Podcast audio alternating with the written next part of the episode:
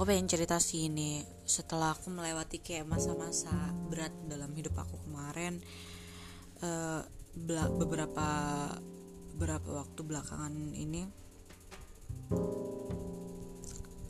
dan dari cerita-cerita teman-teman yang aku tangkap sendiri aku dapat ini sih hikmahnya bisa dibilang gitu dan di sini aku belajar satu hal yang ternyata uh, lebih baik untuk kita itu tidak memiliki goals besar dalam hidup.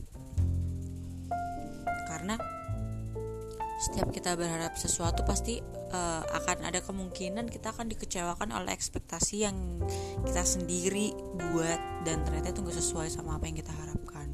Sedangkan memang kan pada dasarnya ada beberapa hal yang emang nggak bisa kita kendalikan dan hal itu banyak yang mendorong diri untuk mencapai ekspektasi kita terhadap sesuatu yang kita harapkan yang emang pada dasarnya nggak semua itu bisa berjalan sesuai apa yang kita inginkan. Ya gak sih? Yang ujungnya itu bikin kita lelah sendiri capek sendiri. Ya gak sih? Kayak ya bener sih emang enakan ngejalanin hidup kayak ya udahlah let it flow aja gitu kan cuman kan semua orang kan pasti punya ambisi.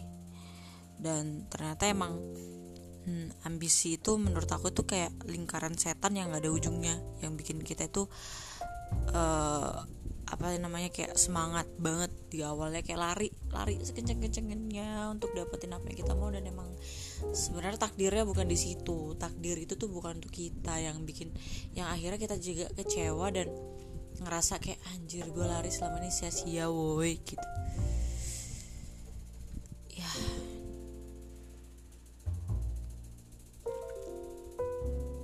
sih emang lebih baik menjalani hidupnya emang gak, nggak perlu pakai ambisi yang terlalu besar. Ya emang lebih baik itu tadi living our life as well as we can. Hmm. Semangat guys